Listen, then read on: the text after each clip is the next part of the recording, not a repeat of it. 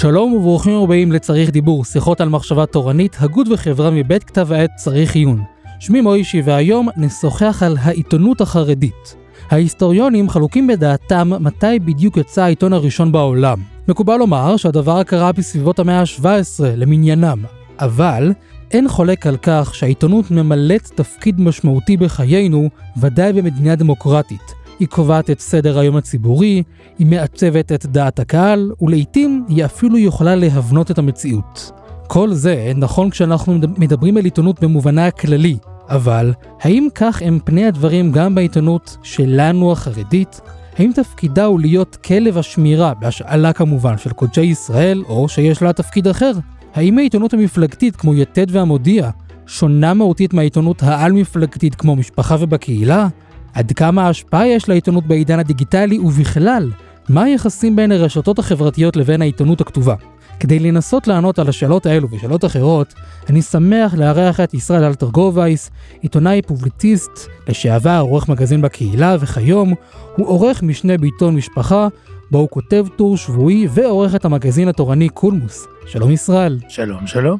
אתה כתבת לא מזמן מאמר לצריך עיון שעוסק בשאלת העיתונות ובשאלת תפקידה של העיתונות, ואתה טוען שם, אתה כותב, שהעיתונות העל-מפלגתית היא למעשה מחזירה עטרה ליושנה של העיתונות שהקימו אותה אי אז באירופה.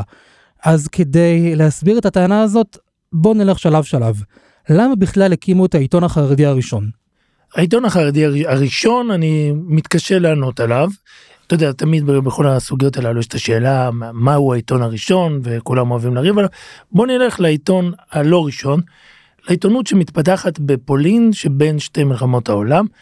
כי זה, זה העיתונות שמקים הרבי מגור, אני כתבתי גם במאמר, גם בגלל שאני קרוב ואני מכיר את הנושא, וגם בגלל ששם לדעתי, אה, חוץ מהקמת העיתון, יש לנו גם אה, ספרות שמדברת על העיתון, ויש איזה פולמוס קצר שמתנהל.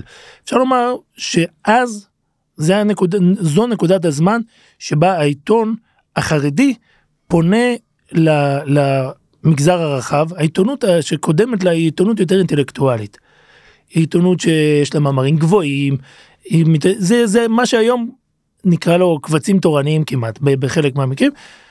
וזאת עיתונות שבעצם באה לספק נייס. או, ו- אוקיי. וזה, וזה הרגע שבו, שבו אני רוצה לשים את האצבע, כי זה בגדול מה שהעיתונות החרדית עושה היום. ו- והרבי מגור, במכתב אה, מפורש, הוא גם נואם אותו לפני זה, אומר, תקשיבו, אתם יודעים יותר טוב ממני למה, למה אנחנו רוצים את העיתון, אתם באים לספר לי שהילדות שלכם מתקלקלות, נתונות לעם אחר, הוא קורא לזה, דיברנו, זה התבוללות, זה נשירה. בקיצור, אנחנו חייבים עיתון. חייבים עיתון ולעיתון הזה יש מטרה מאוד צנועה. אבל למה הם נושרים? כי הם קוראים ידיעות או שהם קוראים מאמרי השקפה של השכלה ונאורות? ו... כי הם נאלצים, הם נאלצים לצרוך מידע. זאת אומרת, אנחנו בשלב ההוא מסכימים שחייבים עיתון. זאת אומרת, בן אדם אינטל, אינטליגנט קורא עיתון בבוקר. ואז, דרך אגב, דרך הידיעות החדשותיות, זורמים לקרבו, לתודעתו, עוד המון המון תפיסות עולם, ויש גם את ה... אתה יודע, עניינים אה, לא נקיים. ואז בא אה, הרבי מגור ואומר, תשמעו, אנחנו חייבים עיתון. נעשה עיתון, נסנן אותו. והוא שם שני, שתי הסתייגויות מאוד מעניינות. הוא אומר ככה, א', העיתון, אל תקדשו אותו. אל תקראו אותו לא בזמנים מקודשים ולא במקומות מקודשים, אל תביאו אותו לבית כנסת. שזה קצת שונה מהעיתונות הקודמת שיכלה להיקרא בבית כנסת. העיתון הוא לא מוצר קודש, העיתון הוא כורח של בדיעבד, אנחנו רק לא רוצים שילדים יתקלקלו, לכן אנחנו ניתן להם חדשות מצונזרות. את אותו חדשות שהגוי בחן בקיוסק ממול קורא, ניתן להם ביידיש, וניתן להם את זה מסונן, בלי תועבות ובלי נקי. ודבר שני הוא כותב, וזה מאוד חשוב, הוא אומר, אין לי כמו"ל של העיתון, אין לי עמדה פוליטית. Oh. אין לי עמדה, ב, ב, אז זה מדיניות החוץ, הוא כותב על זה, על המדינות בו יאמר. הוא קורא לזה פוליטיקי, זה ב, ב, בשפה ההיא של חצי יידיש. אני לא מסכים ש, שיגידו בשמי שום עמדה של מדיניות חוץ, מדיניות פנים. ומה שהוא אומר, וזה מה שאני מציין, שימו לב, נעשה פה למעשה משהו מאוד קרוב למה שאנחנו קוראים אה, רימון או כל סינון על האינטרנט, שזה אומר יש לנו את האינטרנט כמות שהוא, אנחנו באים לצנזר אותו. זה השלב הראשון של העיתונות החרדית. מצוין. נקפוץ כמה עשרות שנים קדימה, תשמ"ה 1985 הסטייפלר מחליט שצריך להקים עיתון, אבל המהות שלו נדמה שהיא שונה. המהות היא לא שונה. אוקיי. כי הסטייפלר אומר שצריך עיתון בדיוק מאותה סיבה שאמרי אמת אומר 100 שנה לפניו. רק שאמרי אמת אומר, אה, דרך אגב של הידיעות החדשותיות זורמים לתודעה שלכם אידיאולוגיות ציוניות וזה. מגיע סטייפלר ואומר, דרך אגב של הידיעות שאתם קוראים במודיע, זורמים לכם לתודעה אה, עניינים בעלבתים אה, וכל מיני רעיונות מוזרים.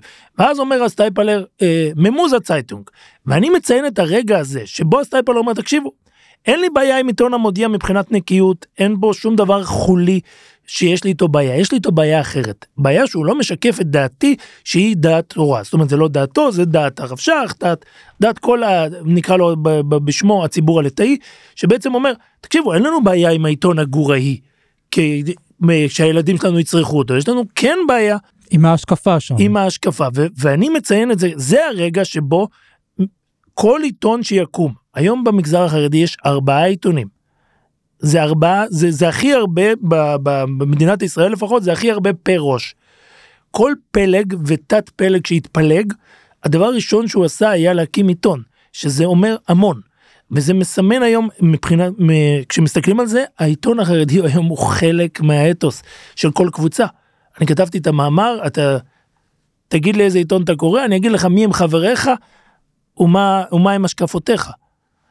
ו, ו, וזה, וזה הסיפור החרדי, ולכן אי אפשר לזלזל במונח שנקרא עיתון. עכשיו, מפה אני רק גוזר ממש בסוגריים, אני במאמר מפנה טענה סוציולוגית שהיא מעניינת מאוד, שלאורך כל הדרך, תמיד אנחנו מסתכלים על הטקסטים, כשאנחנו באים לחקר החברה החרדית, אנחנו תמיד נתנסח, אנחנו באים לנסח את אה, דעת תורה, דוקטורינת דעת תורה, תמיד אנחנו נסתכל על הדיבורים.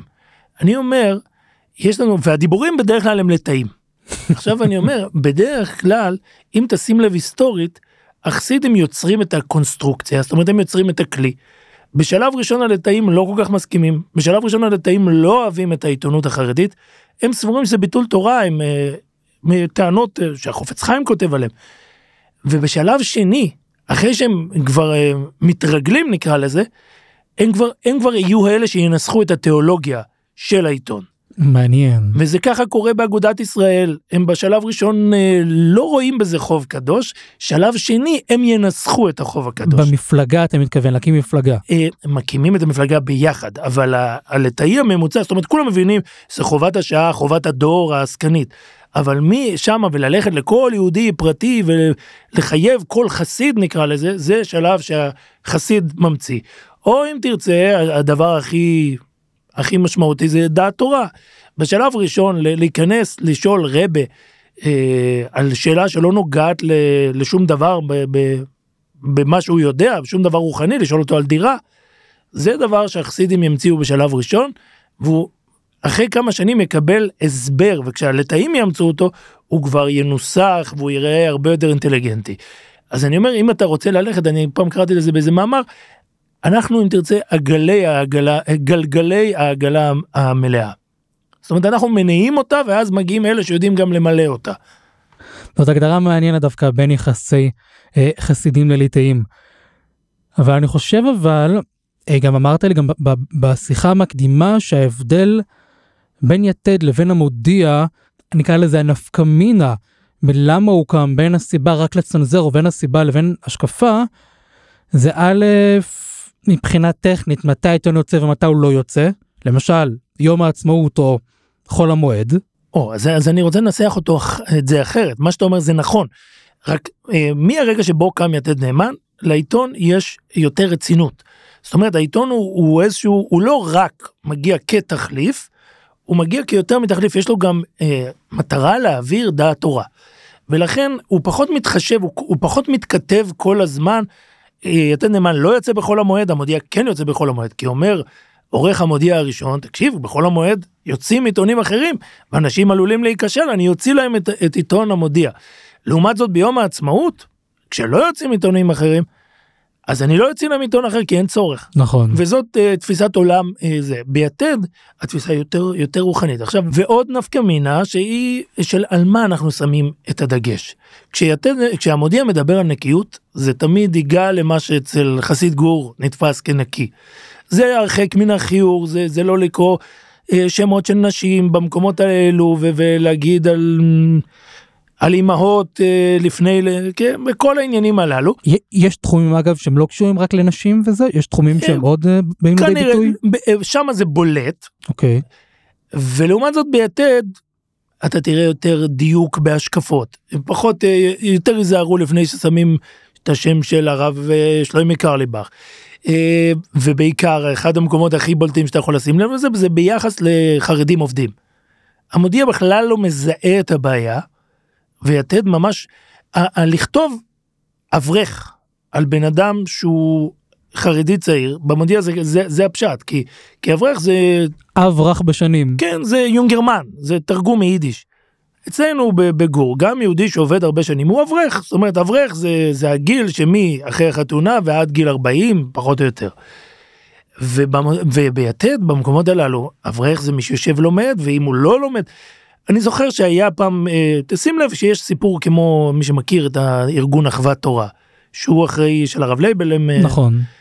יתד לא יזכיר אותו במודיע לא מבינים זה זה ארגון שמפיץ תורה כאילו וזה זה מסמן לך שיש כבר היום רזולוציות של נקיות.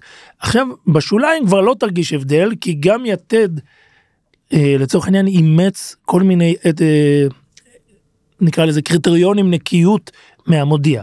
Mm. אז זה פח, הוא פחות יהיה רגיש לזה אבל כשמישהו זה זה בכלל דבר מאוד בולט במגזר החרדי בכלל בעיתונות החרדית בדרך כלל אף אחד לא יעז ללכת יותר רחוק הרבה יותר רחוק מזה ואם פעם יכול היה להתפלק במה שנקרא בלונג שוט בתמונה שמפרסמים בעיתון. תהיה, תהיה איזה אישה ברקע ברחוק כאילו לא לא ש... כן. ב- ב- היום לכל העיתונים יש עם זה בעיה כולל משפחה זאת אומרת אתה ממש אה, תראה כן? אתה ממש תראה את הדיוק הזה את הניקוי הזה דברים ש, שבעבר פחות הייתה רגישות אליהם. זה מעניין כי אפרופו בחירות תקופת הבחירות שאנחנו בסיומה תמיד העיתונים החילונים אוהבים להשוות את התמונה שמתפרסמת בכלי התקשורת הכלליים לבין התמונה שמתפרסמת בהמודיע שבה מוחקים את השרות ואת אז ה... זה, היום היום כבר למדו לא למחוק אבל למדו לתפוס את התמונות הנכונות. היום אה, ממש באופן גורף כבר לא מוחקים בגלל בעיות אבל אה, אתה יודע יודעים כבר לצלם מראש. הצלמים החרדים כבר מודעים ל... כן הם כבר יודעים מראש זה כמו שיש היום אה, מודעות שאתה מצלם בבית כנסת שלא ייתפס לך שם השם בתוך ה- מהארון קודש כי אז הוא מסבך את הגניזה. יש היום מודעות של צלמים צלמי עיתונות אולי תראיין פעם זה צלמי עיתונות חרדים זה עוד ז'אנר מעניין. מעניין אגב זאת גם נקודה מעניינת למה לא בדיוק מכניסים תמונות נשים למרות שעל פי ההלכה נגיד נשים צנועות אתה יודע שאם אדם הולך ברחוב ורואה אותן זה לא בעיה. הנה הגעת לסיפור של חרדיות של הפרהסיה של הרשות הרבים זה סיפור אחר שלא אפשר להיכנס אליו אבל זה לא זה לא זה לא רק בעיתונות. אתה יכול לשאול את זה אותו דבר על אה, חברות כנסת ועל עוד עשרות דברים. הפרהסיה החרדית מתייחסת לנשים בצורה מסוימת. אם תרצה לדבר בכל זאת נקודה שבה אנחנו שמים לב ששם הדבר הזה שונה, זה ב- בעיתונות החרדית הדיגיטלית, ששם אנחנו רואים שבאתרים יש יותר הקלה, בהתחלה היו עושים איזה העמדת פנים של מדור לנשים ומדור, ולאט לאט זה נמחק. והכי בולט, עיתון המקום. עיתון המקום נכון, והכי בולט מה שרציתי לומר זה זה בתשדירי בחירות הגודאים והש"סים ששם פתאום הותרו נשים לבוא בקהל. שינוי מעניין. זה מסמן אולי מגמה. מג- מגמה ששווה לעקוב אחריה כן, אני חושב. כן, אבל זה כשאם תרצה אפשר לדון על התקשורת ה- ה- הלא כתובה המקוונת שהיא יש לה לדעתי פרק חדש שעוד בהתהוות והוא פרק מעניין לכשעצמו. אז בואו נתקדם עוד כמה שנים ועיתון משפחה נוסד אגב עובדה מעניינת שגם בני בראון מציין אותה בספר שלו הרב משה גרילק היה גם ממקימי עיתון יתד וגם. ממקימי עיתון משפחה נכון גם הממסדי וגם העל ממסדי. נכון. זה באותה תקופה זה לא ממש נתפס הסיפור המכונן של אה, עיתון משפחה הוא הרב יודקה פאלי שהוא המו"ל הראשון הוא כבר לא חי. והוא מגיע בקיוסק ליד הבית שלו שם, והוא, והוא רואה מלא עיתונות אה, חילונית. והוא, וכיוון שזה מקום חרדי, אז הוא מנסה כדרכו לבוא עם הקיוסניק בדיבור. ואז הוא אומר לו, תשמע, אני לא יודע מה אתה רוצה, החרדים קונים את זה, קוראים את זה, ולפי הסיפור המכונן, הרב פלאי באותו יום החליט שחייבים, שאנחנו צריכים לקחת, אם נחזור לסיפור ההיסטורי, אנחנו צריכים לקחת את זה לשלב הבא. מסתבר שזה שיש לנו דף אחד של המודיע, שכתוב בשטאנץ של דפוס אה, ונציה, והוא צפוף והוא לא והוא לא הוא לא מביא עיתונות יותר אה, צבעונית, צבעונית ו, ויותר זה זה לא מספק את החרדי המצוי ואנחנו מכאן אנחנו באים לשלב הבא. השלב הבא יהיה עיתונות שהיא בשלב ראשון הוא לא מגדיר אותה על מפלגתית. כי עוד לא יודעים אז שעיתונות היא בעצם מפלגתית. כן נכון זה קצת הגדרה מאוחרת. כן ואז הוא פשוט עושה עיתונות הוא מתחיל לעשות עיתונות עיתונות יותר צבעונית הוא לא ממש הראשון, הוא קונה את העיתון ממישהו, לא ניכנס לגלגולים, אבל הוא זה שמעמיס ולמעשה מפתח. היה שם יום השישי, תמיד היו בשוליים כאלה עיתונים, אבל עיתון שככה תפס וככה הפך לסוג של מיינסטרים. ומה שמעניין מבחינתנו עם עיתון משפחה זה מה ש... זה המהפכה הבאה שקרתה במה שנקרא להם יומונים. אוקיי. Okay. המהפכה הזו שאנחנו דיברנו עליה, שבעצם אומרת שאתה בעיתון המודיע יכול לקרוא רק את המידע, זאת אומרת, אתה כבר לא מדבר על פרשנות, אתה כבר תקרא היום, אם יהיה מחלוקת בין המודיע לבין, לבין אה, יתד, לצורך העניין, תקרא למשל סיפור כמו חוק מיהו יהודי. היה כנס מיהו יהודי, כנס עליז מאוד, זה למעשה היה רגע מסוים שבו תנועת אה, לובביץ', יוקר אבי מלובביץ' מאוד אה, דיבר על זה. מאוד דיבר אה, בעד, אה, הרב שך דיבר נגד. והרבי מגור הצטרף לכיוון של הרב, אה, של הרבי מחב"ד. ואז היה כנס, ולמעשה היה ויכוח האם ללכת לכנס או לא ללכת, והוויכוח הזה מתנהל מעל אותו עיתון. זה משהו שהיום לא יקרה. היום העיתונות החרדית, אתה ממש צריך לעשות מחקר השוואתי, אתה צריך לקחת בבוקר, לפתוח ארבעה עיתונים כדי לדעת מה... וזה הרגע שבו אה, העיתונות העל מפלגתית נהייתה על מפלגתית ונהייתה שחקן מאוד מאוד משמעותית, זאת אומרת זאת הבמה כמעט יחידה שבה מתנהל המשחק. כי היא מציגה את כל... כי, כי היא מציגה ופה מתנהל, uh, זו הזירה. בדיוק. במודיע אין זירה, המודיע כבר היום פונה לקהל לחצי מאגודת ישראל כי יש כבר לחצי השני שהבין שהוא לא מיוצג אז הוא פתח לעצמו וכדי לספר את הסיפור הגדול אנחנו חייבים עיתון אחד. וזה, וזה המהפכה הדרמטית בעיניי של העיתונות העל מפלגתית. זה היום שבו היא נהייתה חשובה, וזה בעיקר הזמן שבו אה, היא לדעתי חוזרת למטרת האב של, המ, מטרת המייסדים. Oh.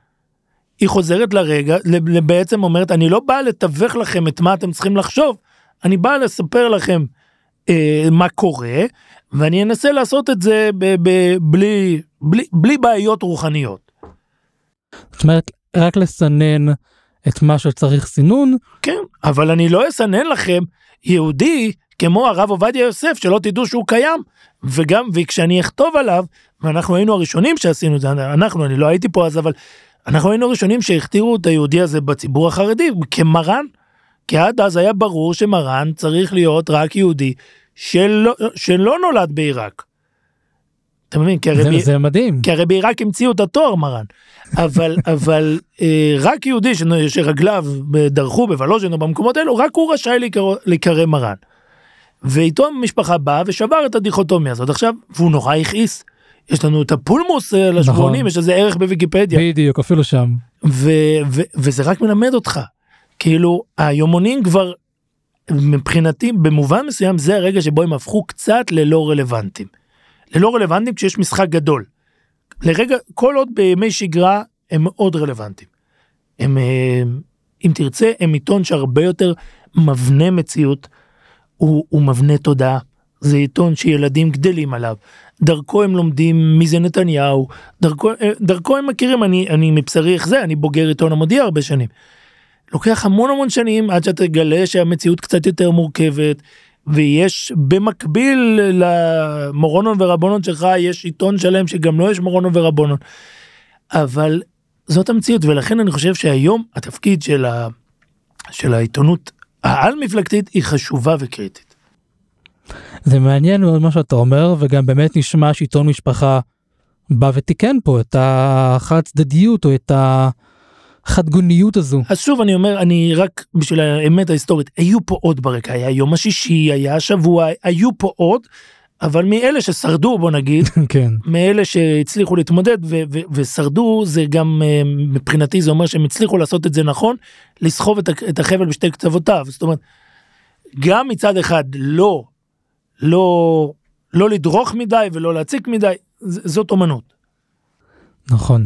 אז עכשיו השאלה באמת, כי אם אנחנו אומרים שנגיד לצורך העניין עיתון משפחה, אבל גם עיתון בקהילה, עיתונים שהם על מפלגתיים, שהם לא מנסים להבנות מציאות או לנסח איזושהי השקפת עולם מסוימת, אלא רק סך הכל להיות המסננת הטובה ביותר, אבל מסננת שתביא את כלל הדעות של, שבתוך המגזר החרדי, עכשיו אבל הבעיה בזה, ו, וגם הגיב לך על זה במאמר אלי פלאי, בסוגריים הבוס, שאומר, אחת הבעיות שיצאו נגד עיתון משפחה הייתה, מה זאת אומרת, עכשיו כל אחד שיש לו קצת כסף יבוא, ידפיס, יכתוב עיתון, קח מנויים, וככה יבנה מציאות, יפיץ השקפת עולם שהיא לא תורנית, יש כאן בעיה. אוקיי כבן אדם שמאוד מאמין בעולם אה, ימני נקרא לזה ימני במובן העמוק שלו אני חושב שכן אם בן אדם יצליח להקים עיתון הקפיטליסטי אתה מתכוון. כן ויצליח לחבר לו מספיק אה, קוראים חרדים ויצליח לשרוד אני חושב ש, שזה סימן זאת המסננת הכי טובה. ואם למישהו יש איזה יומרה למנוע מכל כך הרבה אנשים לצרוך תוכן מסוים מבחינתי הם אה, אז יש להם בעיה חמורה יותר. אני חושב שבן אדם שיעשה את זה לא מקצועי הוא ייפול. אני רואה מבשרי כשהאינדיקטור הכי טוב שלנו הוא המכתבים למערכת ביטולי המינויים. הרבה פעמים אנשים שואלים אותי מי הוועדה הרוחנית שלכם.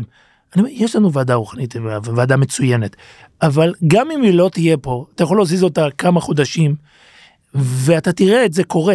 כי השוק החופשי מתנהל באכזריות, אתה כותב נגד מישהו לא נכון, ואתה תגלה גל של ביטולים ביום חמישי בבוקר. אתה כותב מילה לא נכונה, אתה תחטוף. אין משהו, זאת אומרת, המגזר החרדי גם, הוא, הוא לא כזה כמו שמציירים אותו, הוא נוח להיות מושפע, ולנו אין את הפריבילגיה שיש ליומונים. אנחנו, כשאנחנו עושים עוולה או טעות, אנחנו לא יכולים לנופף במורונון ורבונון. אנחנו, כשאנחנו עושים, אנחנו משלמים. ולכן יש לנו זהירות וחרדה הרבה יותר גדולה. כשאנחנו עושים, לפעמים כשאנחנו יוצאים לצעד נועז, אנחנו יודעים לשבת במערכת, בישיבת מערכת ולדעת שזה הולך לעלות בכך וכך מנויים. עד כדי כך אתם יודעים לומר, נדבר על הסוגיה הזו אנחנו- מהביטולים. אנחנו לא תמיד מדייקים, אבל לוקחים את הסיכון. זאת אומרת, אנחנו יודעים בדיוק שזה המחיר, ויש איזה מחיר, ומבחינתי הוא המחיר הכי טוב. כי זה אנשים שהיום בעולם שלנו הם עושים לך דיסלייק, הם, הם לא אוהבים את מה שאתה כתבת, וודאי שהם לא מוכנים לשלם עליו. אבל כל עוד יש לי רבבות אנשים שמשלמים כל שבוע ורוצים לקרוא את העמדה שלי, אני חושב שאני, הנה, זה, זה, אני לא צריך לסכום מאף אחד. השל- 30 אלף חרדים שאומרים כל שבוע כן, זה מבחינתי. כן. אבל זו אולי בדיוק הנקודה. שהם לא רוצים שכל אחד שיש לו כסף, בסדר, יכול להיות שאתה כותב מאוד יפה ולכן אנשים מקשיבים לך, אבל בסוף, אתה לא הרב שך, אתה לא מעצב השקפה טהורה. אז כן יש פה בעיה, באמת, הציבור החרדי לא יודעת כמה הוא, לפחות השקפה ליטאית, לא יודעת כמה היא באמת קפיטליסטית. השקפה, שוב, בוודאי שמי ש, שהצריכה הראשית היא לא קפיטליסטית, זה, זה בדיוק, זה שמאל, אם כן. תרצה. זה אלה שבאים ואומרים לך, אני אספר לך איך אתה צריך לחשוב. זה בדיוק. בסדר, ובשביל לספר לך רשמית איך אתה צריך לחשוב, אתה לא באמת, לא כל אחד יכול. אבל הוולונטריות הזה שאני מגיע כ, כעיתונאי חוץ, ומתחיל לדבר, ואני פותח מיקרופון, ומסתבר שרוב המגזר החרדי אוהב. כן. אני חושב שאם אתה מסתכל על הפולמוס, משפחה הוא רגע מאוד מזוקק, שבו הכוח, אה, הכורח ניצח את, ה, את האידיאולוגיות. זאת אומרת, הציבור החרדי אמר, תשמעו, הבנו, זה מה שאנחנו רוצים. אנחנו רוצים צבעוני, אנחנו רוצים מעניין, אנחנו רוצים לא רק... ואנחנו רוצים גם. לדעת מה קורה. בבית כנסת של השכן. בדיוק. עכשיו באמת נקודה מעניינת, עיתון מש, משפחה ספציפית, כי אנחנו יותר קרובים אליו, כי אתה גם עובד בו, מנסה לעצב השקפת עולם? תראה, אה, כי שוב- אני, כי אני אגיד לך מה אני חושב, אני חושב שבמידה מסוימת, שוב, עדינה מדודה, יש שם, יש שם עידוד יציאה לעבודה מסוים, יש שם אה, הרבה יותר שפה רגשית אצל אנשים, יש כאן איזושהי מגמה מסוימת. אז בוא נאמר, בוא נאמר ככה, זה הרב יהושע פפר קורא לזה תיאולוגיה שלא מדעת. שוב, אני אומר, זו הטענה, הנה ניסחת במשפט אחד את הטענה של המתנגדים. אתם מנסים לקלקל, לחלן, לקרר, אה, מלא ל. כן, אבל אני אומר לך כבן אדם שעובד פה, עכשיו, דבר אחד ברור, בן אדם שמחזיק עט ביד וחשוב לו וגם השיחה שלנו עכשיו, יש לך איזה אה, רצון מודע או שלא מודע ל, לעשות משהו, לגרום לאנשים להיות אחרת, לחשוב אחרת, לחשוב יותר טוב. אז ברור שכן, אני לא יכול להגיד, שמע, אנחנו כותבים ורק מסננים ולא רוצ... לא אכפת לנו איך תחשוב. כשאני קם בבוקר ואני רואה משהו שקורה ואני כותב עליו, אז כן, אני מנסה לשנות. אבל אה, אין פה אג'נדה לשנות. יש פה, יש פה, אני חושב שיש פה אג'נדה יותר להתחשב בצרכים. להסתכל למצוי ולא רק לרצוי. לשקף מציאות, גם לשקף וגם ליצור. זאת אומרת, אם הגענו כבני אדם, יש לנו מקום רגשי מאוד מפותח ואנחנו חושבים שמישהו צריך לדבר על הנושא הזה, אז אנחנו ניתן את זה. ואם מישהו חושב שזה לא טוב, אז שלא יקרא אותנו. עכשיו, ואתה שואל אותי? כן, השפענו. אני, האם אני כבן אדם שהתחנך בחינוך חסידי חושב שלצאת לעבוד זה כזה דבר נורא? לא. אבל יושב ממש שולחן לידי מישהו שהוא ליטאי והוא חושב שכן והוא עד היום בעצם די מתבייש בזה שהוא עובד פה. אז, אז כן, מבחינתי זה הרגע שבו נוצר איזשהו דיון. כי אני כותב ככה, אנחנו עכשיו, אה, אתמול, לא יודע מתי זה יושמע, אתמול חגגנו בחירות. אני כותב בצד אחד בעד אגודת ישראל בלי הכרה, עם, עם, אפילו עם הסיעה המרכזית של אגודת ישראל. ממש עמוד לידי יושב אה, שמעון ברייטקופ ידידי הטוב שכותב בעד המורונים, דגל. בעד המורונים שלו ובצורה נחרצת. אחרינו יושב יהודי שכותב בעד ש"ס. אתה מקבל איזה תמונה. עכשיו האם לכל אחד מאיתנו אין אג'נדה? יש, ודאי שיש. אני לא חושב שיש אדם בלי אג'נדה ואם יש כזה אז הוא צריך טיפול. אבל אבל זה, זה מבחינתי השלמות של הדבר. שמביאה את כל הדעות. כן. ולכן עצם השמעת כל הדעות היא עצמה מבנה מציאות בזה שהיא לא מבנה את המציאות על פי מימד אחד? ברור. זאת אומרת, מהרגע שבו אתה יודע שמה שכל מה שידעת זה, זה צד אחד, אתה כבר חושב אחרת. שזה שינוי מאוד אה, גדול בציבור שלנו. כן. עצם זה שהעיתונות העל מפלגתית מביאה את כל הקולות ולאו דווקא קול אחד, זה עצמו השינוי, זה עצמו התיקון. אני לא, אני לא יודע אם זה תיקון, אני אומר, זאת המציאות, זה מה שאנחנו עושים. אנחנו טוענים, הסיפור החרדי הוא הרבה יותר גדול מהדעה של, מהחצי דעה של חצי בית כנסת שאתה מתפלל בו. אני אומר, בוא תשמע את הסיפור הגדול, אנחנו מנהלים פה איזה דיון. היהדות החרדית כל הזמן מנהלת דיונים. ו- ואם בהתחלה ניהלנו את הדיון, בשלב מסוים הפסקנו לנהל אותו והתחלנו להתבצר. עכשיו אני לא מטיף לאף אחד, אני רק אומר, צריכה להיות, צריכות להיות, אלו שהן זירות שבהן הדיון הגדול מתנהל. בואו נריב, בואו נריב ונתווכח, אבל לא, לא נריב. בואו נשמיע לפחות כמה קולות, ואתה יודע, והבואי חריף לך קוראים לזה הפוסקים. כן, נכון.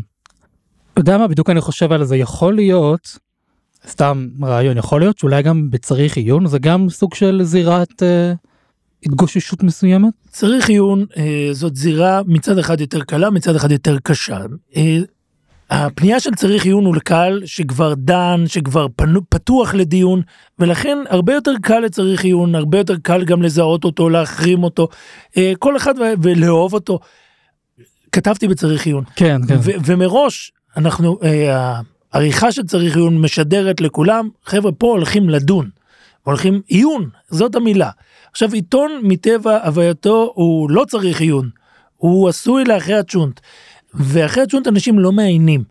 ו- ו- ופה הוויכוח מתנהל. זאת אומרת, זה שבבסמדרש מסוים יש דיונים, יש דיונים, אבל השאלה אם האזרח הפשוט, שרק רוצה לקבל את כל התמונה, לא יודע אם כל, אבל כמה שיותר רחבה, רבים, אה, אני יודע, רבים או מתווכחים, דגל ואגודה, אז אני לא זכאי גם לשמוע את עמדת הצד השני?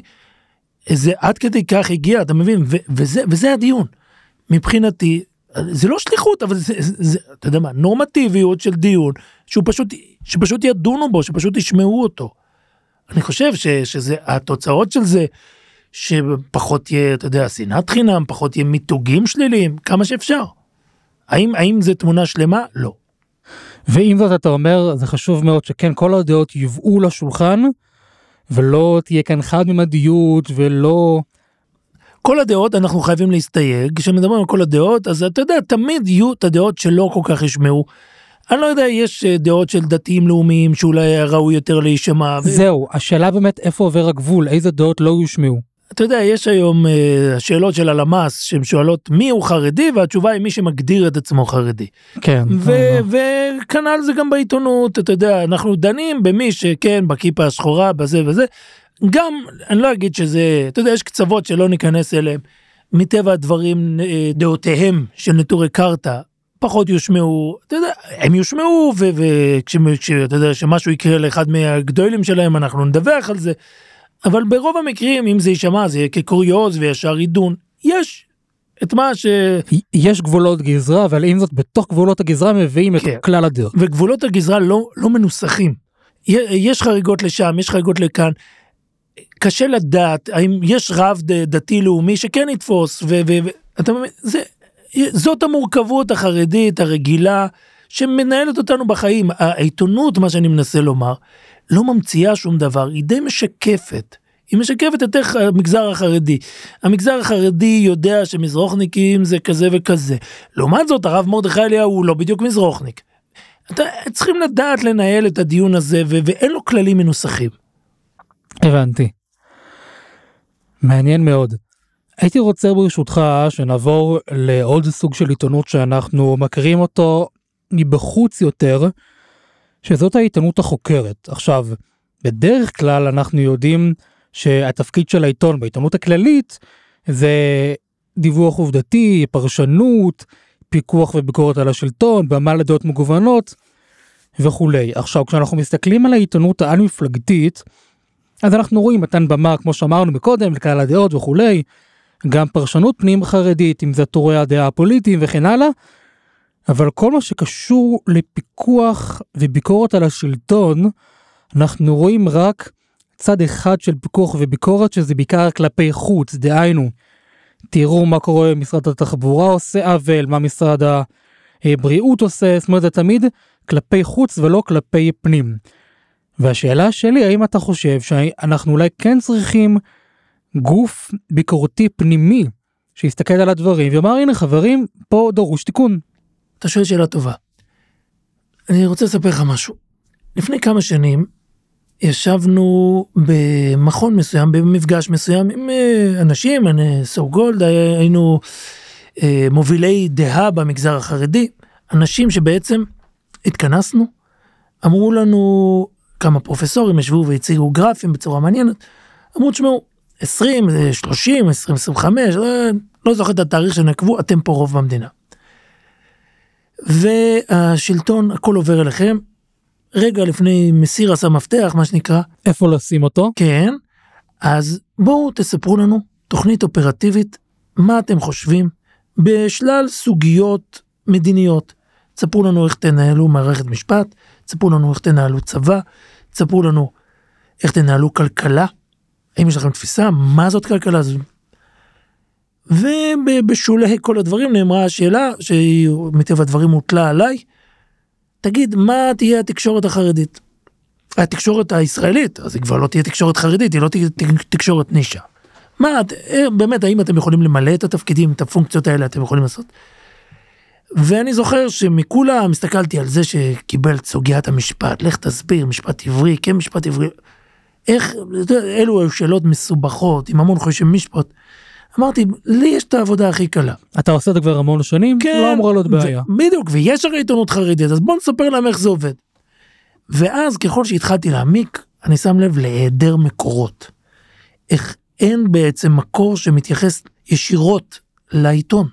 לעיתון החרדי, איך הוא אמור להיראות. משהו חום ארוך שלו. לכאורה אולי כן יש אולי את המכתב של האדמו"ר מגור, של האמרי אמת. המכתב הזה הוא מכתב שבעצם אומר מה הוא לא. הוא לא אומר מה הוא כן. אמ, יש המון מכתבים אגב זה לא מכתב אחד זה יש המון מכתבים שהוא ממש נכנס למשל אתה רוצה לשמוע מכתב שהיום הוא לא יאומן. אה, עיתון אה, דריוד נכנס באופן קיצוני ביהודי שנקרא אה, אשל פרבשטיין. יש עליו רחוב פה יש עליו ערך בוויקיפדיה אני לא אספר לך מי כתב אותו. הוא היה איש המזרחי בוורשה. ומה שקרה העיתונות החרדית עשתה את מה שהיא טובה בלעשות ותקפה אותו. ואז הרבי כתב להם מכתב זה היה טלגרמה שמשפט שעד היום בגור אה, מהדהד והוא שם קוד. הוא כתב להם דמו של פרבשטיין מי התיר לכם. זאת אומרת ופרבשטיין הוא אויב אידיאולוגי קשוח. והרבה סבור היה שמותר לחסל רעיון אסור לחסל בן אדם. ואני לא בטוח אתה יודע מה שהעיתונות המפלגתית של היום עומדת בקריטריון הזה. אבל אה, זה הערת אגב. ועדיין אני חוזר לסיפור שלי אני מתיישב ואני אומר תראה אף אחד הספר הכי נגיש לי זה ספר חפץ חיים. שהספר הזה בעצם לא משאיר הרבה מקום לעיתונות. אגב במכתב מסוים החפץ חיים מדבר על זה מפורשות זה מלא לשון הרע ורכילות. ועדיף לשבת ללמוד תורה. עדיף לשבת ללמוד תורה. הוא לא נותן מקום באמת, אתה יודע, אפילו לספר סיפור טוב על מישהו שיביך אותו, אני לא בטוח שיש לזה יתר. ואני אומר שוב פעם, מכל, סתם כהשכלה תורנית, מכל מה שאני זוכר אז שביררתי, המקור שממנו חשבתי שאפשר לצאת, היה גמרא, שתי שורות במסכת יומא בסוף, הגמרא המפורסמת שלומדים ביום כיפר, מפרסמים את החנפים מפני חילול השם. זה ממש ראיתי זה נפסק ברמב"ם. אז הנה התחלה של משהו. זה התחלה. וזאת התחלה מאוד מעניינת כי צריך לדון בזה מי הם החנפים הללו. מה ההגדרה שלהם.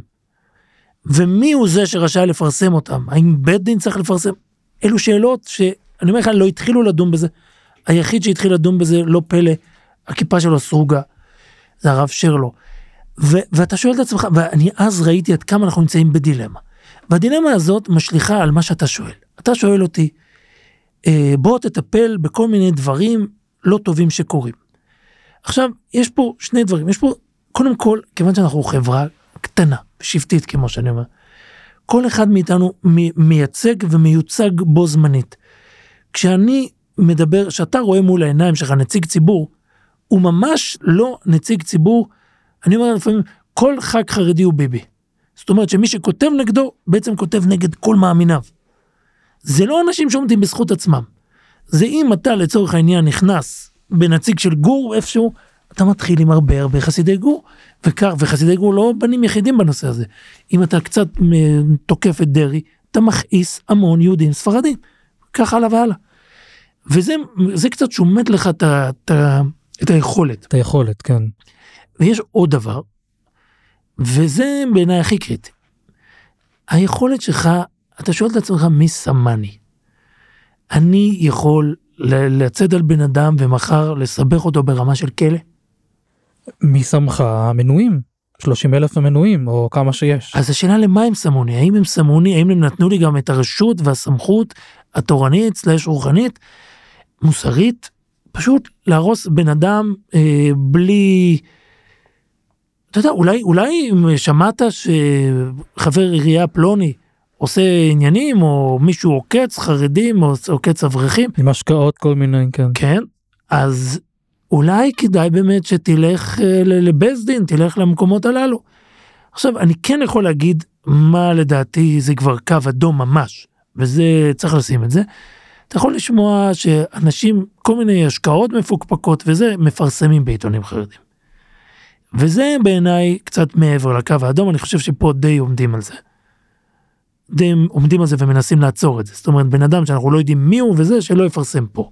כי אני לך מה, אני לא אגיד שמות, אני אבל זוכר, כשהייתי בישיבה וראיתי פרסומים חוזרים ונשנים בעיתון מפלגתי על אה, חברה שמציעה השקעות לציבור שלנו, אמרתי זה קצת מריח לי חשוד, ומסתבר שבימים האחרונים קיבלתי תשובה לחשדות כן, האלה. הפיתוי הוא קשה מאוד, אני חייב להגיד לך, עיתונות בסוף חיה על כסף. ויש פה את היתר של הפוסקים שנקרא אפסן מרובה. אבל אה, כן, זה מבחינתי, על זה אני לא יכול לסנגר, לא תשמע ממני.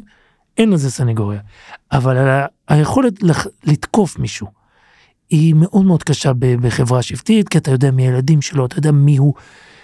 וכן, בוא, אתה יודע, בוא נלך על מקרים יותר קיצוניים. בשנה האחרונה יש שני תחקירים עיתונאיים שהסתיימו במוות של מושאי התחקיר. זהו, זה הפיל שבחדר העיתונאי. כן, והפיל הזה בועט, והפיל הזה מפחיד. הפיל הזה הרג שני אנשים. ואתה אומר לעצמך, אתה יוצא מנקודת הנחה שאולי ההריגה, אתה יודע, אמרתי לך פעם, שאלו פעם את הנוידה ביהודה, אמר לו איזה יהודי, שאני עברתי על כל העבירות שבתורה, רק על אחת לא עברתי, אני לא התאבדתי. אז הנוידה ביהודה אמר לו, אתה לא צריך להתאבד, כי אז אתה מקיים את המצווה שלו ביער הרע מקרבך. אבל זה במליצה. אבל תחשוב על בן אדם שישב על מקלדת, שחרר מה ששחרר, ובסוף, אתה יודע, באפם הרגו איש. קלאסי. אני בטוח שהלב שלו דופק. הלב שלי דופק בשבילו. ואני גם בטוח, אני לא בטוח, אבל אני די משוכנע שהוא צדק במה שהוא כתב. וזה רגע שרק מלמד אותך על כמה הסיפור פה מורכב. עד כמה הכוח של העיתונות גדול וממילא עד כמה, עד כמה אתה מחזיק ביד קלצ'ניקוב, זה לא, זה לא מצחיק. זה כמו שאמר רבינו ספיידרמן עם כוח גדול מגיעה אחריות גדולה. אני לא הכרתי את הרב הזה, אבל כן. אבל אתה יודע מה אבל אני חושב על אפרופו כוח ואחריות. יכול להיות שזאת בדיוק האחריות של העיתון. כי ברגע שהוא רואה שומע שיש דבר כזה נוראי ואתה יודע מה. אני לא יודע אם באמת צריך אם מגיעים אה, עדויות לעיתונאי אם הדבר הראשון שהוא צריך ללכת לעשות זה לפרסם אותם הוא צריך.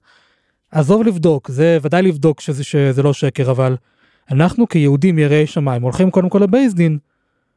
ואומר, ואומר לו תקשיב הדיין מה אני עושה הגיעו לעדויות כאלה לפרסם לא לפרסם אולי אתה תלך תקרא לו ת, תנסה לברר אם היה ותנסה לברר הוא לא רוצה להתייצב או יתברר שזה נכון נו אז ברשותך אולי אם תרצה ברשות הוועדה הרוחנית אנחנו נוכל לפרסם את הדברים. הנה אתה מצייר עד כמה התפקיד הזה לא מוגדר.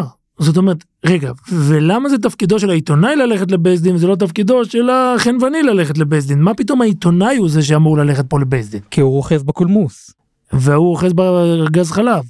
אה, אה, אבל אבל אני הקולמוס שלי אני יכול לכתוב אחרי זה בעיתון חברים תיזהרו מאותו אחד. או, זאת השאלה, האם הוא יכול לכתוב בעיתון?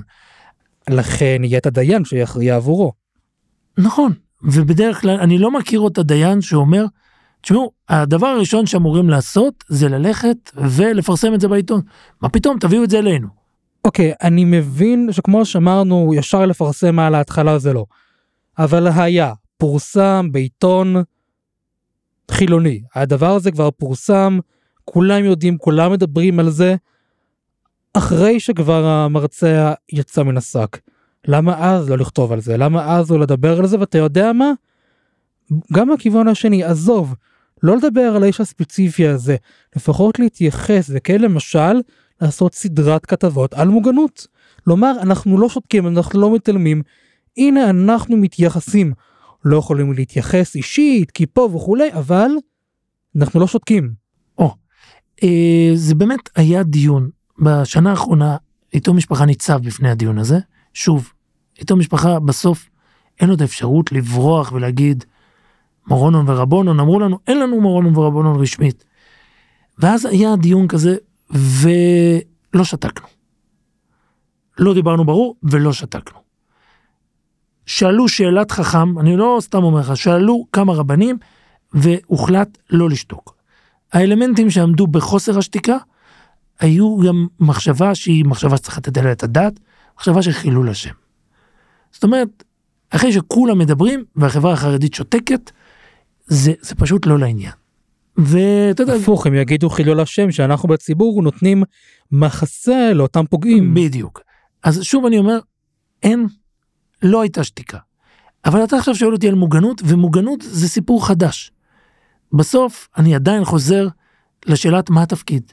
אז אני המחנך? בסוף זאת שאלה. אני, אני יכול להוד, להגיד לאנשים, וגם פה השאלה היא שאלה אה, ש, שצריך לשאול את, את הקוראים שלך. את הקוראים, האם מה שאני הזמנתי אצלך להירדם אחרי הצ'ונט, ועל הדרך גם הפכת למחנך של הילדים שלי? אתה נותן לי פטיש בראש עכשיו על כל מיני נושאים. כן. לא, פטיש בראש אני יכול לתת, אבל לחנך לי את הילדים את זה, זה בסוף. אני, אני חייב לשים רגע, אתה יודע, אני אומר לך ילדים. תסתכל על כל הסיפור הפרהסיה של המגזר החרדי, הוא מתנהל סביב הילדים. כשיהודי, כשאני פעם אצטט, אני יודע מי, את הרב הזה שהזכרת מקודם, או מישהו כזה, התגובה שתגיע, התגובה הנזעמת, תמיד תגיד, למה הבן הטהור שלי צריך לשמוע מהשטויות האלה? אף פעם בן אדם לא יגיד לך, למה אני צריך לקרוא כזה דבר? יש בחברה החרדית את הסיפור הזה שאני תמיד אוהב להביא כדימוי, את האבא ואימא שמשוחחים ביניהם במטבח, ופתאום הילד הקטן נכנס לשתות, והם באותו רגע עוברים נושא או עוברים שפה. העיתונות החרדית, בפרט זו המפלגתית, מבינה שהילדים פה בחדר. וכיוון שהם בחדר, זה למשל, צריך עיון לא חושב שהילדים בחדר. גם עיתון המקום לא חושב ככה. וגם אם הם בחדר, נו, מצוין. כן, תתבגרו קצת. כן. אבל העיתון החרדי הרגיל, רגע, רגע, ילדים בחדר, אנחנו צריכים רגע לדבר שפה שהם מבינים. השאלה אם זה לא קצת זלזול באינטליגנציה של הקוראים. זה לא זלזול, זה כיבוד רצונם של הקוראים. עכשיו, ב, זה, שתלך על זה, תראה כמה זה סיסטמטי ועקבי. הורה יכול להסתובב עם בטן מלאה על מפלגה חרדית. הוא יגיע לקלפי, אם יש לידו את הילד שלו, אני יכול להבטיח לך מה הוא שם. ב-98% מהמקרים, ב-2% מחוץ לה, אני כבר לא יודע אם אפשר לקרוא לו חרדי. זאת אומרת, בגדול, בגדול, זה בסוף המבחן. הילדים. כן. ו- וזה המשחק שמתנהל כל הזמן. עד כמה, ואתה שואל אותי בחזרה למוגנות. מוגנות, ככל שזה פרדוקסלי, דווקא הילדים צריכים את זה. בדיוק, הם קהל היד. הם קהל היד, ודווקא אליהם ההורים שלהם לא רוצים שתדבר. למה אבל? צריך לשאול את ההורים. אתה רוצה לשאול אותי כהורה? כן. כי, אני, כי אני לא ממש סומך עליך שתדע לעשות את זה ברגישות, בלי להפחיד אותו, בלי ללכת איתו צעד אחד קדימה מדי, צעד אחד אחורה מדי. כי יכול להיות שזה נושא שהוא מאוד אינדיבידואלי, מאוד פרסונלי, והוא מחויב התאמה אישית? בין השאר. אני אגיד את כל האמת, יש גם הורה שבכלל לא רוצה שתדבר. מבין, זה, זה, זה סיפור, ואתה צריך ללכת בו. אז, אז נכון, איתו משפחה לצורך העניין, בחלקים שבתוך המשפחה, שזה לנשים, הוא מרשה לעצמו יותר. הוא אומר, תקשיבו, זה לילדים גדולים. והרבה אנשים יגידו לך, אני לא שם את זה, אני לא מביא לילדים שלי את זה.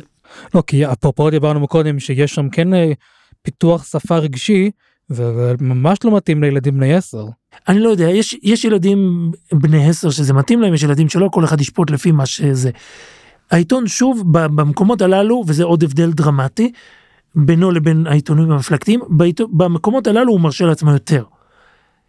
ו... וזה משליך, ובאמת שם אפשר יותר לדבר, אבל הצעקה הייתה למה שלא תדברו על בקול רעש גדול. זהו, אבל אני רגע, אני, אני שואל אותך באמת, על מה הייתה הצעקה? של, שלא דיברו על פלוני או שלא דיברו על הסוגיה? ש, שמתפוצץ משהו כל כך נרחב במגזר החרדי ואנחנו לא יכולים אה, יוק. בעוד שכולם אומרים זכות הציבור לדעת, אתה משחק עם זכות הציבור שלא לדעת. בדיוק, בדרך כלל אנחנו מכירים העיתונים החילוניים את המושג של שקיפות, תדע כמה שיותר מה שמתרחש סביבך, ואצלנו נראה שדווקא מחלקת הצנזורה היא המחלקה החשובה. תראה, אני תמיד כששואלים אותי האם אה, זכות הציבור שלא לדעת, יש לי תשובה קבועה. אה, קודם כל כן, זכות בגדול זכות הציבור שלא לדעת. אתה לא יכול להכתיב לבן אדם מה, מה, מה החומר שאתה מכניס לו לתודעה. אבל לפני שאתה מחליט בשביל מישהו שזכותו לא לדעת, אתה צריך לברר עם עצמך שזאת אכן זכות. אני חושב שבהרבה מהמקרים זאת חובה, ברגע שהבן אדם לא ידע, הוא מזיק לעצמו, הוא מזיק לילדיו, מזיק, ולכן אתה כן, אל תתעצל ואל תשקר ותספר לו את האמת. זה עוד, אם תרצה, זה עוד חילוק בין, בין סוגי עיתונים. אבל יש מקרים שזכות הציבור שלו לדעת.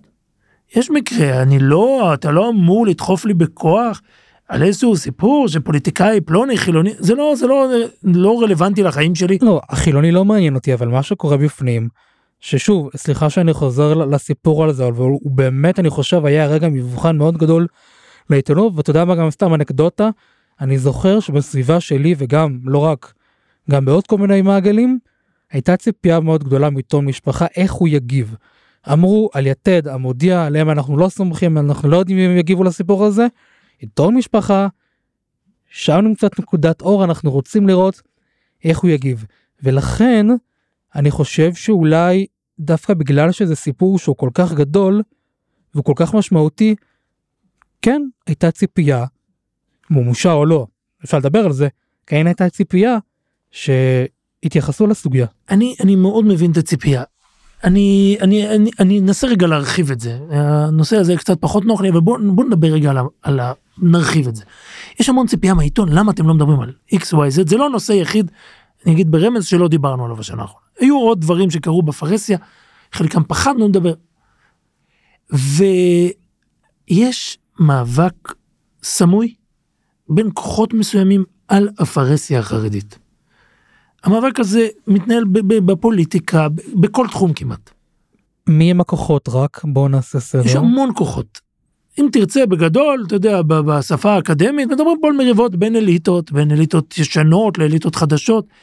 יש את המעמד העסקונה הישנה הזה, ויש את המעמד החדש יותר. אה, הם באים להתנגשות רבה. עכשיו, חלק גדול מהדברים, אה, בוא, בוא ניקח למשל את סיפור הממ"חים. Oh. כל מי שיודע, יודע שהרב שך לצורך העניין נתן היתר מסוים לפתוח ישיבה, אבל אל תקראו לזה ישיבה. מערב המכון רובין, מה שנקרא. כן, אל תקראו לזה ישיבה. ומה שזה מלמד אותך, שבגדול בגדול החברה החרדית מוכנה להרבה פשרות. היא לא מוכנה לפשרות בפרהסיה ובעיקר בדקלרציה, בהצהרות. אל, אל תצהירו ואל תדברו על זה בקול. התרנו לכם, לכו, תעשו את זה בשקט בלי שאף אחד ידע, אל תהפכו את זה לסיפור. והקבוצות החדשות, בעיקר מה שהן רוצות, איזה לוחמי הממ"ח למיניהם, לוחמי המוגנות אם תרצה, הם, המריבה שלהם באותו סיפור היה, זה אפילו היה, זה הגיע לרגעים אלימים, להכניס לאנשים פתקים לתוך התיבת דואר שלהם. המאבק היה אז, אה, המאבק היה על הפרהסיה. ש, שיש איזה סכסוך, וביער את הרע מקרבך, ושיש סכסוך, ב, לא סכסוך, שיש סיפור באיזשהו בית ספר, אז יפגינו באמצע הרחוב, ממש הפגנה של שבס. זה, זה, זה, ההפגנה היא הפרהסיה. עכשיו העיתונות החרדית היא סיפור של פרהסיה. היא מנהלת את הפרהסיה ולכן היא, היא כל כך מביאה אמוציות לשני הצדדים. גם האלה אומרים תגידו מי נותן איך אתם נותנים במה לסיפור הזה ואלה אומרים איך אתם לא נותנים במה. זאת אומרת שים לב הרבה מהוויכוחים הללו ואני, וזה תמיד חשוב כי יש פה איזה אצטלה. אם אתה לא תגיד עלולים להינזק אני לא חושב שזה באמת הסיפור. אני חושב, אני מסתכל על מה שעומד מתחת. כשבא בן אדם ואומר לי, למה אתם לא צועקים על הסיפור של אפליה? בנו... הנה צעקנו, 15 שנה שאנחנו צועקים, מה התקדם הנושא? לא התקדם. יגידו לכם אתם לא צועקים נכון אתם צריכים למקד את הלייזר שלכם על משהו יותר ספציפי. נכון. ותמיד יגידו את זה ככה ובעיקר מה שמרגיש להם. למה פרהסיה? פרהסיה צריכה לצעוק. כולם הרי כש, כשהתחילה הצעקה הגדולה בסיפור האחרון הלא מדובר בינינו הוא היה אה, כבר, אתה יודע, המעשים בוצעו, אה, הרע בוער אם תרצה, אבל הבעיה הייתה, למה הפרהסיה? למה, למה, למה השתיקה הזאת? ו, ו, ופה בנקודת זמן הזו, איתו משפחה כולל רבנים, הבינו שבאמת הפרהסיה לא יכולה לשתוק. והמחלוקת היא לא מחלוקת, מה שאני מנסה להגיד, הצעקות והטענות לא באמת טענות שמשנות משהו. זה לא שפה מסתובב איזה מישהו שעושה בעיות, ובאמת טובים ממך אה, לעצור את זה. לעצור את זה, יש משטרה, יש הרבה אנשים שיכולים לעצור. מה שטובים ממך זה תביע את ההסתייגות, תגיד את האמירה. אתה מבין? אנחנו רוצים את ההצהרה. והציבור החרדי מאוד מאוד רגיש בנושאים של הצהרות. צריך לדעת את זה. זה, זה מה שאמרתי לך מקודם, מפה מגיע הסיפור, הפרדוקס הכל כך גדול, שאלה שרק אתמול צועקים לך על אפליה גזעית, למחרת מתהפכים כשבג"ץ צועק את זה. כי לא, לא, לא, לא, זה דיון, ש... זה דיון שמתנהל פנימי. וזה עוד דבר שצריך לדעת. החברה החרדית יש לה המון דיונים שהיא רוצה לנהל בשקט. היא רוצה להתווכח על זה בשטיבלח. אל תוציאו את זה החוצה. ואיך באמת לדעתך קורה בשנים האחרונות? כי באמת נראה שכמו שאתה אומר, יש דיון מאוד גדול על הפרהסיה והעיתונות ממלאה תפקיד מאוד חשוב. הרי למה כולם מסתכלים על העיתונות? היא כן, אה, יש לה כוח, היא כן בעלת, אתה יודע מה, גם יותר מזה, ואולי גם בזה גם נתקדם טיפה גם לעניין של הרשתות החברתיות. אם אתם רוצים לצעוק, יש לכם את טוויטר, תעשו את זה שם, למה אתם צריכים שעיתון משפחה ידבר על זה? תשובה, אנחנו עדיין עם ניגשים למילה הכתובה עם חרדת קודש מסוימת, ולכן... צריך לומר יותר מזה, זה למילה הכתובה והמודפסת. המודפסת, כי גם לנו יש מילה כתובה. נכון. ואני שוב אומר לך, אנחנו ניגשים לדקלרציה. כשאני צועק בתוך ה... אני יודע, בתוך הרשת שלי, אני צועק, אני מתכתב עם אנשים שחושבים כמוני, וזה וזה, זה פה אני משכנע את המשוכנעים. אני רוצה שכל החברה תצעק. שהדודים שלי, כל אלה שאני רוצה שהם ידברו. ו, ודווקא בגלל זה יש את הרגישות של הצד השני. אתה חייב להבין אותי, אדוני, הפרהסיה פה היא סיפור גדול רגע לפני שצועקים. לא, אבל הפרהסיה היא סיפור גדול, כי אתה אומר, אולי הערכים שחשובים, כי הערכים שחשובים אולי לאותם צייצנים, הם לא חשובים לכל אותם 50 אלף מנויים. אבל יכול להיות שכן יש סיפור, כמו למשל, אפליית הבנות הספרדיות, מירון, שהם כן סיפורים שחשובים, ודאי גם המוגנות, זה כן סיפורים שחשובים לכולם, אז אולי כן חשוב להנכיח את הדבר הזה בפרהסיה. אז שוב, כשחשוב לכולם, חשוב לדעת האם חשוב להם להנכיח את זה או שזה חשוב להם העיקרון. לרבים מהם באמת חשוב שתהיה מוגנות, אבל מאוד חשוב להם שזה יקרה רק בצנעה.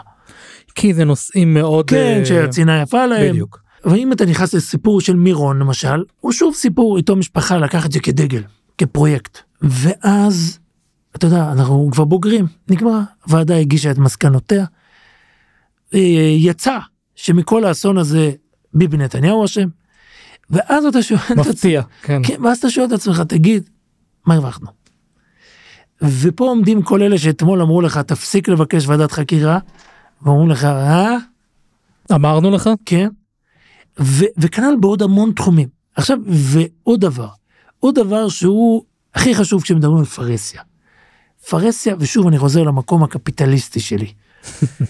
פרהסיה נמדדת ב- ב- במספרים. אתה לא יכול אה, כמה צעקניים שצועקים לך בשולי המחנה, אולי כיוון, יש אנשים שמשוטטים באזורי חיוג הללו, ומשוכנעים שבאמת המגזר מרגיש ויש, ומדווחים לך על סחף לבן גביר, ומדווחים לך כל מיני דיווחים. והרבה פעמים גם אנחנו נמצאים שם, לפחות, אתה יודע, כמאזינים, וגם אנחנו פתאום משתכנעים, ואז אתה פתאום מגיע איזה תוצאות בחירות, ואומר לך, תשמע, תשמע, תשמע, זה עוד, זה לא הסיפור. תרגיע, מה שנקרא. תרגיע ומהר. ואני אומר לפעמים על כל אחד שצועק על גפני, למה אתה לא עוזר לחרדים העובדים, עומדים שלושה שצועקים, איך אתה מדבר איתם בכלל? ו- ו- וכשאתה נמצא במאבק כזה, הוא מאבק שמצריך אותך כל הזמן להלך בין הטיפות. להלך בין הטיפות ולנסות להיפתח כמה שיותר, אתה, אתה מותח את החבל עד הקצה. אנחנו לצורך העניין, שלא כמו הרשתות החברתיות שיש להם את הפריבילגיה שאתה פשוט לא עוקב אחריהם, אנחנו, יש לנו עוקבים אם תרצה, hmm. שגם משלמים, והעוקבים שלנו נמצאים מאזורי סאטמר ועד החרדים העובדים. כשבאזורי, זה מאוד מעניין, על, uh, החרדים העובדים באזורים הללו ייתנו אותנו לילדים, ובאזורים הקיצוניים אולי לפעמים ירחיקו אותנו מהילדים. מעניין. אתה מבין, יש פה, יש פה, זה, אתה, אתה מנסה לדבר לכמה שיותר. נכון, אבל אם אנחנו מנסים לדבר לכמה שיותר, ולכן אם אני מזכיר, אמרנו מביאים גם את ש"ס, גם את ג' וגם אגודה וכולי, זאת אומרת, משמיעים את כל הדעות הקיימות, אז אולי גם בנושאים כאלה, יהיה שווה להזכיר את כל הדעות הקיימות. או ששוב, אנחנו מגיעים פה לנקודה של יש גבול. כן. בסוף, אה, בסוף מסתבר שזה מה שיכריע. אתה גם מרגיש שיש גבול לכוח הסיבולת של אלה שלא מוכנים לסבול. נכון. אז בסוף המשחק הוא, אתה רוצה, יש אמירה, אם אתה שואל אותי, זה לא, זה לא עד כדי כך ציני. יש אמירה, בסיפור האחרון שדיברנו, הייתה אמירה ברורה, אמירה שעלתה לנו במנויים. תבין, זו אמירה ש... עד כדי כך, וואלה. כן, הסכים יהודי, שאני חייב לקרוא לו הרב אלי פלא, הסכים לקחת על עצמו אובדן של הכנסות. כל אלה שחושבים שהוא, אתה יודע, שהוא ציני, יש, מה שמצחיק מצד האישומים פה, על העיתון, הם אישומים משני הצדדים ושניהם קיצוניים.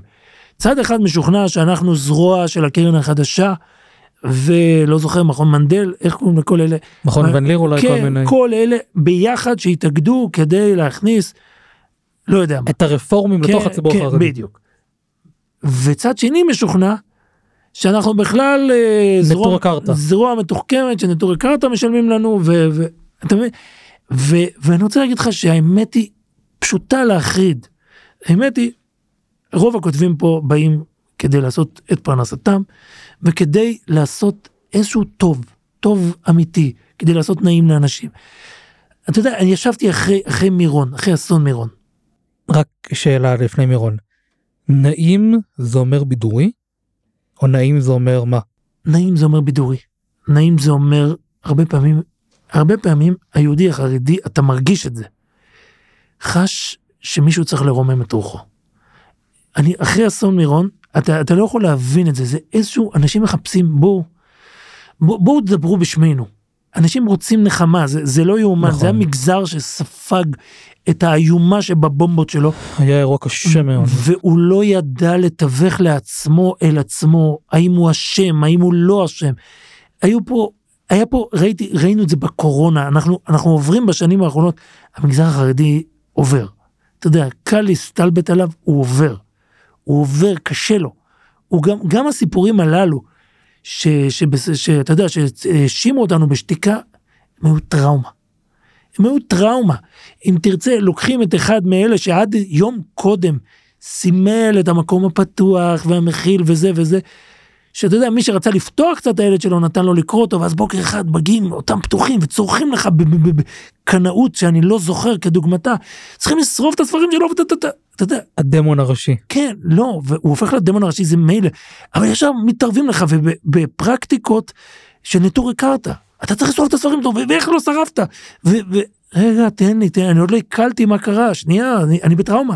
האמ- האמת שזה נכון, כי זאת נקודה חשובה שאתה מזכיר, כי עד כמה באמת שהסיפורים הם זוועתיים והאישומים הם חמורים, ובאמת, וביערת הרע מקרבך, אבל זו הייתה מכה קשה מאוד לציבור.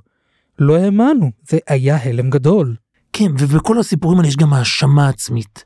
יש לפעמים, אתה יודע, בשולי שוליים, זה חוסר אמון פתאום בכל המוסד. סיפור אם כזה. הוא, אם הוא, אז, אז, אז זהו, אני כבר לא יכול לסמוך יותר על אף אחד. ו- ואתה רואה, ובל נשכח, מדובר בילדים, מדובר, כאילו, אתה יודע מה זה ילד שמאבד אמון במוסד? זה ילד שיכול מחר, אני לא יודע לאיפה להגיע. זאת אומרת, הדברים הם כל כך מורכבים, ו- והאנשים הצעקניים רוצים שתכריע אותו כאן ועכשיו בצעקות. לא, החברה החרדית בכלל, כמו כל חברה שבטית ושמרנית, קצת יותר איטית. העיכול שלה איטי, היא צריכה תיווך. לא, לא בגלל שהיא נכה, בגלל, בדיוק להפך.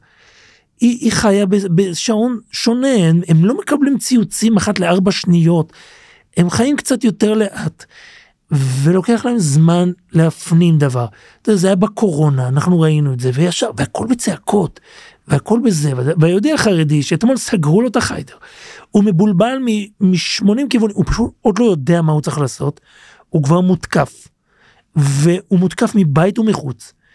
והוא מותקף מצד אלה שהוא בעצם רגיל להבין עד היום שהם לא מחפשים את טובתו. ופתאום אלה מתחילים לספר לו שהם כן רוצים את טובתו. וחלק מהסיפור הוא ממש כמו, אתה יודע, בט- בטיפול או בחינוך של אבא ובן. אתה לא, דבר ראשון צורח, אתה, אתה, צריך לשמור על אמון. נכון. ו- ו- ואנשים לא מבינים את זה. החברה החרדית והעיתונות זה לא, זה לא רק לקוחות, אנחנו עובדים ביחד. זוכר לכם אסון מירון, תחושה של איך עושים שער שמרומם. אני זוכר, ישבנו אז, ובסוף יצא לנו שער שאומר, אני מאמין. זאת אומרת, בואו, מישהו צריך לתווך את השואה הזאת, מישהו צריך לעזור. ואל תשכח, אנחנו גם, אנחנו חרדים, אנחנו לא אבות של הציבור החרדי. אתה בעצמך צריך נחמה. אתה כי- בעצמך איבדת שם חבר. בדיוק. ו- וזה זה חברה ויש לה קצב שונה והיא לא יודעת לתקוף ו... רגע זה, זה ציבור זה אחים שלנו זה אנחנו זה לא אחים שלנו זה אנחנו. ולכן העיתונות היא יותר רגועה בנושאים אני לא האלה. יודע היא יותר רגועה בנושאים האלה יותר היסטרית בנושאים אחרים. היא, היא חרדית רגע רגע היא לא מבחוץ זה לא שאנחנו יושבים יום אחד עם איזה מבחוץ למגזר ואנחנו יודעים לספר לו מה הוא צריך. אתה יודע, זה גם קצת חוצפה חוץ מהכל. אתה יושב ומספר לאבא שלך איך הוא צריך לחשוב, זה, זה, זה, זה, זה ברור. נקודה צעירה מאוד. אני לא חושב שזה חלק מהסיפור שלנו. מעניין והדברים אה, נכוחים. ולפני סיום אמרנו שנדבר גם כן על הרשתות החברתיות ואני חושב שגם קצת נגענו בזה. עד כמה אתה חושב שיש השפעה או היזון חוזר בין הרשתות החברתיות לבין העיתונות הכתובה? כי נראה היה שיש כי אני חושב, תקן אותי אם אני טועה וסליחה שאני חוזר לסיפור המזעזע הזה.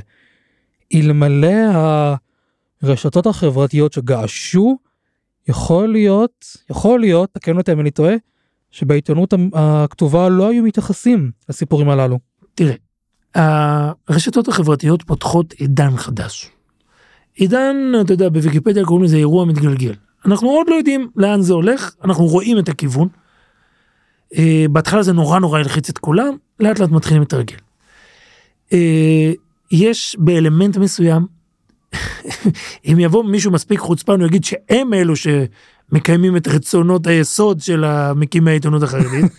זה במאמר הבא שלך אולי. כן, אבל לא, אתה מבין למה, כי שוב, אם אנחנו צריכים שאנשים לא יגלשו למקומות אחרים, אז, אז הם, הם עושים, שמים אלטרנטיבה מעניינת. אה, מצד שני, יש שם אה, פתיחות שאנחנו לא מכירים אפילו בעיתונות ה... יש שם מטבע הדברים אה, הנושא של נשים תמונות נשים טוב זה קיים כי הפלטפורמה לא פותחה על ידי גדולי ישראל לא אבל גם עיתונות אתר חרדי בהרבה מהמקרים ירשה לעצמו לשים תמונה של אישה. בכל אופן הוא לא הוא לא יצנזר אותה. הוא ייתן במה וידאו אתה תראה שם התקדמות הרבה יותר מואצת ודאי כשזה מגיע לרשתות לטוויטר למקומות האלו. האם הם הקטר הראשי שמניע את העסק? כן, הם, הם, הם, הם, מאוד, אה, הם עדיין בועה, צריך לדעת את זה. מי שמסתובב באזור הטוויטר, אה, הרבה פעמים...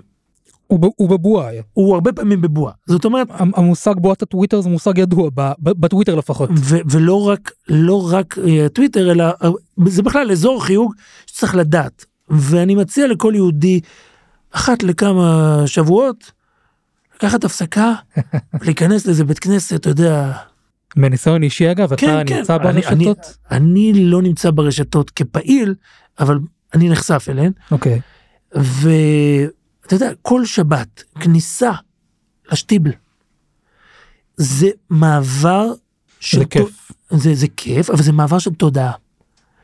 ואיפה שברור לכולם שצריכים למחות בנושא XXX, כשמגיעים לשטיבל מבינים שקודם כל חצי בכלל לא יודעים על מה אתה מדבר, והחצי השני חושב שאסור להתעסק עם הנושא הזה. והאם זה רק השטיבל שלי? אני לא חושב, כי אני מסתובב בהרבה שטיבל, ולא רק גוראים אלא בעוד. זאת אומרת יש בציבור החרדי אזורי חיוג ענקיים שהם לא שם. האם הם לא מושפעים שלא במודע? הם מושפעים. אני יכול להגיד לך שהוואטסאפ היום, אני חושב שהוא הכלי הכי חזק, אבל שים לב, הוואטסאפ הוא עדיין לא הפרהסיה. שזה נורא מעניין. הבן אדם, אני לא מכיר הרבה אנשים חרדים, אפילו באזורי העובדים, שייתנו לילדים שלהם לשבת, בק... להיחשף לקבוצות הוואטסאפ הפנימיות שלהם, שבהם הם מבקרים את החברה החרדית. וכאן אנחנו נחשפים שוב פעם לאותו דבר, לרצוי ולמצוי. האדם החרדי מתנהל ברצוי ומצוי, במה ש... בין השאיפות שלו, שהן אפלטוניות לגמרי, לבין, ה... הוא רוצה, והילדים הרבה פעמים משקפים לנו את השאיפות. היינו בישיבה, רצינו לגדול רב חיים, ואנחנו עד היום רוצים שהם יגדלו רב חיים, אבל אנחנו בינתיים נגלוש קצת. ואני לא יכול להגיד שאין השפעה על הרשת, הרשת יש השפעה דרמטית. זהו, כן, רציתי לשאול. אתה מסתכל על, על הח"כים החרדים, איך הם מגיבים לרשתות. ואתה יודע שחלק גדול מהסיפור שלנו, ככותבים הוא הרבה פעמים לנסות להתנתק. כי כשאתה מגיע לספר סיפור היום, לספר סיפור בעיתון, הרבה פעמים אתה שוכח שפרק א', ב', ג', אתה קראת בטוויטר. הקורא שלך עוד לא שמה, הוא עוד לא יודע על מה אתה מדבר. ואתה כבר רוצה להכניס את הוויץ של פרק 5, והוא עוד לא שם. אז אתה צריך לספר לו את הכל מההתחלה. לפעמים. וגם אם לא, לתת לו להתמצא, אתה יודע, אם הוא מספיק אינטליגנט, אני לא חייב מאשרי, אבל... כן. אבל שהוא יהיה בעניין. משתבח. כן. ו- וזה חשוב. זהו, כי עד כמה באמת נגיד בישיבת מערכת, עד כמה מייחסים חשיבות למה שמתחולל בבועות ה... של הרשתות. מטבע הדברים, אנשים אה, שעובדים וזה, הם חשופים מאוד לזה, ו... לא, העובדים פה חשופים זה ודאי כי זה עיתונאים, השאלה עד כמה. והם מושפעים. זה ודאי, שעד כל כמה מי חושפים שחשוף- את הציבור. אז זהו, זה כל פעם, אתה רוצה לשמוע, היה לפני כמה חודשים, אה, נעשה פה ראיון, היה פה מדור שעשה אה, אה, התכתבות בראיון. וכמסורת חדשנית, זה נעשה ב, בפונט של וואטסאפ. אוי ואבוי. ותוך שבוע, שבועיים הבנו שזה, שזה לא, זה לא יבוא. זאת אומרת, ה- ואני חושב שהבנו את המכתב נגד זה קיבלנו בוואטסאפ.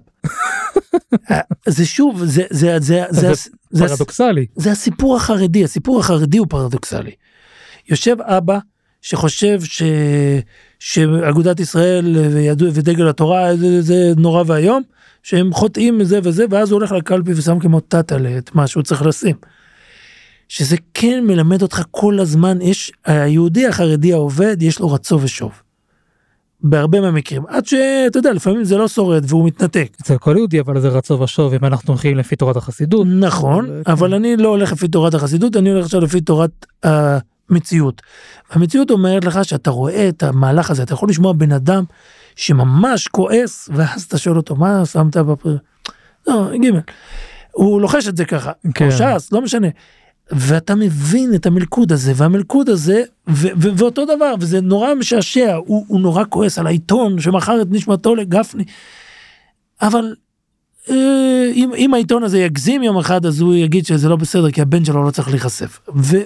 ובתוך בתוך המורכבות הזאת אנחנו פועלים בסתר ליבו הוא שמח שהעיתון לכאורה מכר את נשמתו לגפני.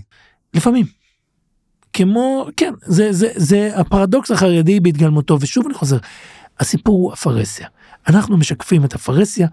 לפרהסיה החרדית יש כללים שהם שונים מצינ... מה... מהפרט החרדי. הם מה קרה כשהילדים נכנסו לחדר. ולאיפה הפרהסיה הולכת לדעתך בשנים הקרובות?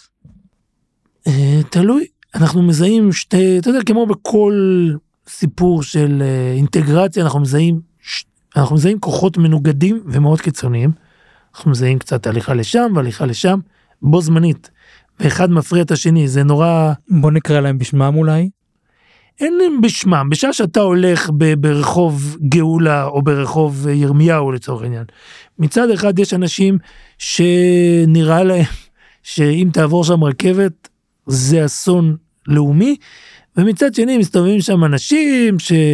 שיש להם מכשירים ויש להם, זה... באותו רחוב אני מדבר איתך. ואלה נורא כועסים על אלה ולהפך, ואתה אומר, לא יודע, לא יודע לאן זה הולך.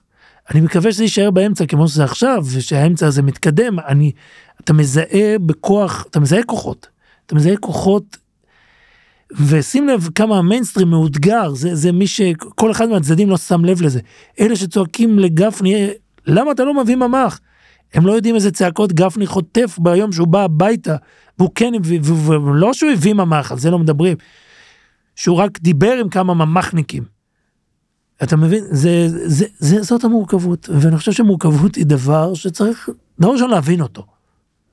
זאת אומרת אז כשאנחנו מדברים על העיתונות על מפלגתית מוכרחים קודם כל להבין את מורכבות החיים את מורכבות המציאות שבה הציבור החרדי חי ממילא נבין גם אולי גם את התפקיד של העיתונות הזו שבא לידי ביטוי או שמשקף את המורכבות הזו. כן, ובכולנו יש את זה, את הרצו ושוב, זה, זה הרי לא יאומן. בעוד, תיקח למשל קולגות, עמיתים אה, חילונים, הם ממש רואים בעבודה שלהם שליחות. נכון. החרדי שעובד בעיתונות העל מפלגתית, ככל שהוא מתבגר, ככל שהוא זה, זה הוא מרגיש ככה, בוא, זה לא, זה לא עבודה, אתה יודע. אתה נראה לי אמרת לי הוא לא היה רוצה שעל המצבה שלו יהיה כתוב כן. פה נטמן עיתונאי. נכון. ו- ו- ויש לזה השלכות על צורת העבודה שלו.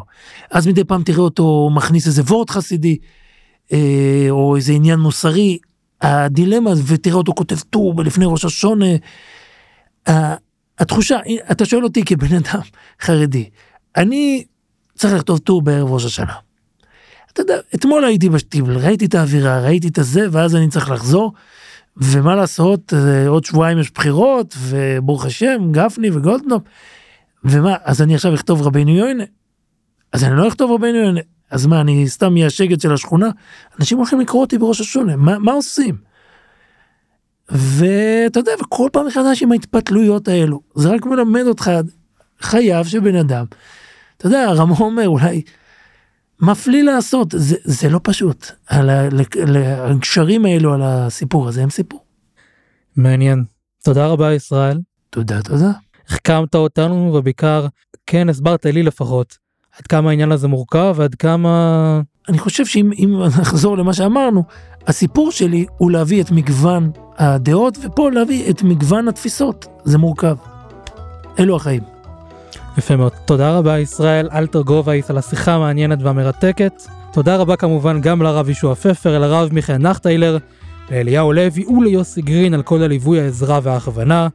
ואחרונים חביבים, תודה רבה לכם, המאזינים. נשמח כמובן לשמוע מה חשבתם ואתם מוזמנים להמשיך ולהאזין לנו כמו גם לפרקים הקודמים בפלטפורמת הפודקאסטים האהובה עליכם. אני הייתי מוישה וניפגש בעזרת השם בפרקים הבאים.